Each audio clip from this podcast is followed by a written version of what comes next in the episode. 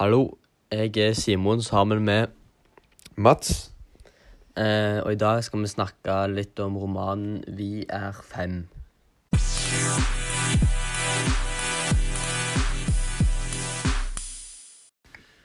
Vi er fem, en eh, roman skrevet av Mathias Fallbakken. Eh, handlingen tar plass en, eh, på en bygd eh, som heter Råset, tre timer fra eh, hovedstaden.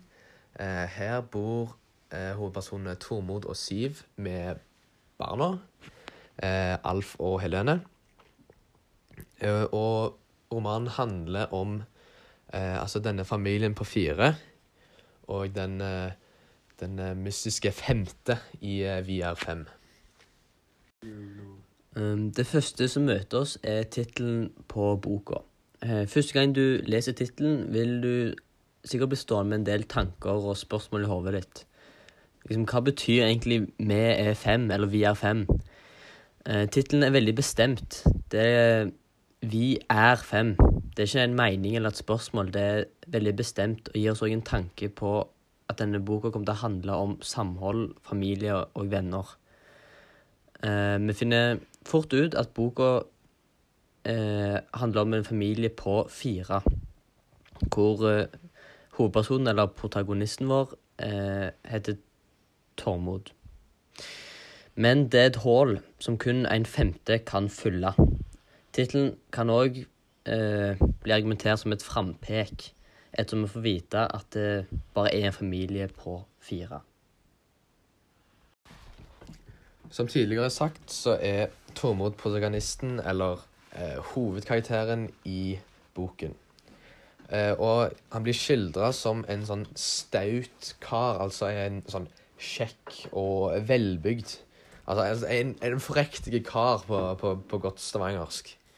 Eh, uh, det, dette var visst også godt kjent i bygden, ettersom han uh, alltid fikk eh, At folk kasta blikk etter han når han gikk ute på gata. Og det ble også sagt til Siv at At du virkelig traff blinken med, med, med Tormod. Um, han viser seg også eh, at han har stort, eh, et stort talent innenfor skole og i, i arbeid. Eh, men som i, i disse norrøne ettersagene, så har eh, altså vår, hel, helten vår en eller annen eh, et karaktertrekk eller en egenskap som gjør at det ikke går så bra. Um, og denne, denne egenskapen, eller trekket til Tormod, er hans eh, villighet til å bli påvirka. Spesielt av eh, karakteren Espen, som drar eh, Tormod med på fyll og eh, rus og eh, amfetamin osv. Vi kan si at en rusa Tormod er som en annen personlighet. Eh, som beskrevet i boka, når han får en på nebbet, blir han mer skoleflink og får en bølge av kreativitet og effektivitet. Jeg og syns derfor det var kjekkere å være på skolen når dette da skjedde. Vi kan på mange måter si at det er en dynamisk karakter eh, av disse forskjellige personlighetene. Eh, Senere i boka får vi òg et bedre inntrykk av familiemannen Tormod. Eh, det virker som han har, han har bygd et bedre forhold til barna sine enn det han har med kona si, Siv. Eh, etter fødselen eh, til barna er det akkurat som Siv har endra seg, og jeg appellerer ikke like mye til Tormod. Eh, når han seinere møter Espen, så får han vite at han blir redd. Og får på en måte et lite flashback til gamle tider med rusing og rusmisbruk. Eh, Espen får han med på en pepperrull, hvitvin og noen øl. Så kommer den gamle Tormod tilbake. Dette vil få eh, ganske store konsekvenser utover i boka. Hvis vi ser hva romanen handler om på det ytre, altså motivet, kan vi si at det er hvordan en familie på fire plutselig blir fem etter unaturlige omstendigheter. Altså, de tvang jo en leie til live. Familie går gjennom hele teksten, eh, og det virker allerede fra starten at dette er egentlig det eneste boka kom til å handle om. Måten forfatteren, altså Mathias Fallbakken, holder familie så utrolig sentralt gjennom hele teksten, er det naturlig at vi kan kalle dette for et av hovedtemaene. Rus kan vi òg si er et tema for teksten, ettersom rusmisbru rusmisbruket til Tormod eh, er både sentralt og vil komme tilbake sammen med Espen seinere i romanen. Teksten handler my også mye om eh, på en måte barndommen, altså det å være barn og bli påvirka av miljøet rundt. Dette her kan vi finne eh, eksempler på i både Tormod og denne leirklumpen. Eh, Tormod blir jo veldig lett påvirka av Espen, og Klumpen er påvirka av familien. Eh, og det er jo egentlig familien som eh, gjør at dette ender så dårlig med den Klumpen og ja. Eh, men vi kan også si at, eh, at, at det, altså med barndommen, hvordan vi drømmer om ting skal, skal liksom At jeg vil ha en bamse som er i live, eller eh, eh, et spill du kan eh, Ja, et eller annet sånn Som Så egentlig ikke skal finnes. At, eh, at det liksom faktisk kommer til liv, da. Nå kommer det noen bloopers. Gjør det, Simon? Ja. Budskapet i boken kan vi si at er å, at vi må respektere naturen og eh, alt liv. Så at vi fikk denne leira til live, men den ble jo behandla med mye mindre respekt, respekt enn den burde. Eh, hadde, hadde klumpen blitt eh, behandla på en annen måte, så hadde kanskje ikke det endt som det gjorde, og, osv. så. Eh, eh, det kan også være at vi må ikke leke Gud eller liksom tukle med naturen. Og, og her kan vi også si at boken kan brukes som en sånn kritis, kritisasjon til eh, hvordan vi utnytter naturressursen vi har, som eh, olje og, og gass og kull osv.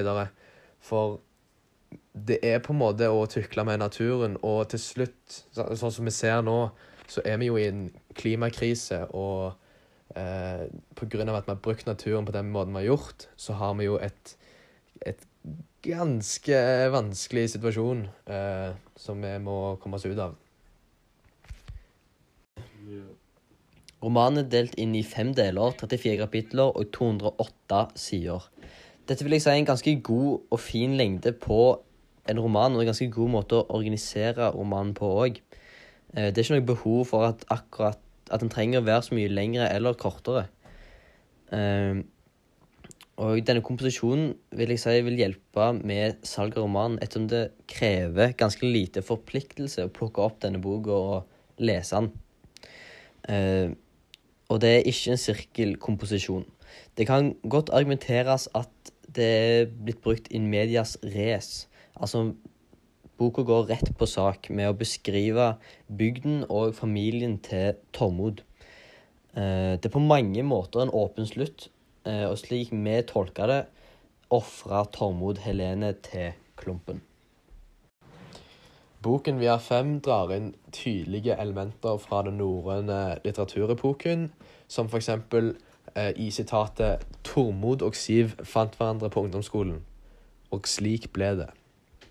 Altså, det må slutte eh, en, en setning eller et sitat med at det bare var, eller det er bare sånn, er ganske typisk for eh, den norrøne eh, epoken. Og vi har også Tormod som Thor, altså Thor med hammeren. Eh, og så har vi Og det passer jo egentlig ganske godt til hvordan handy Thor, Tormod er. Altså at han er, jobber med verktøy, og altså hammer er en verktøy, selvfølgelig.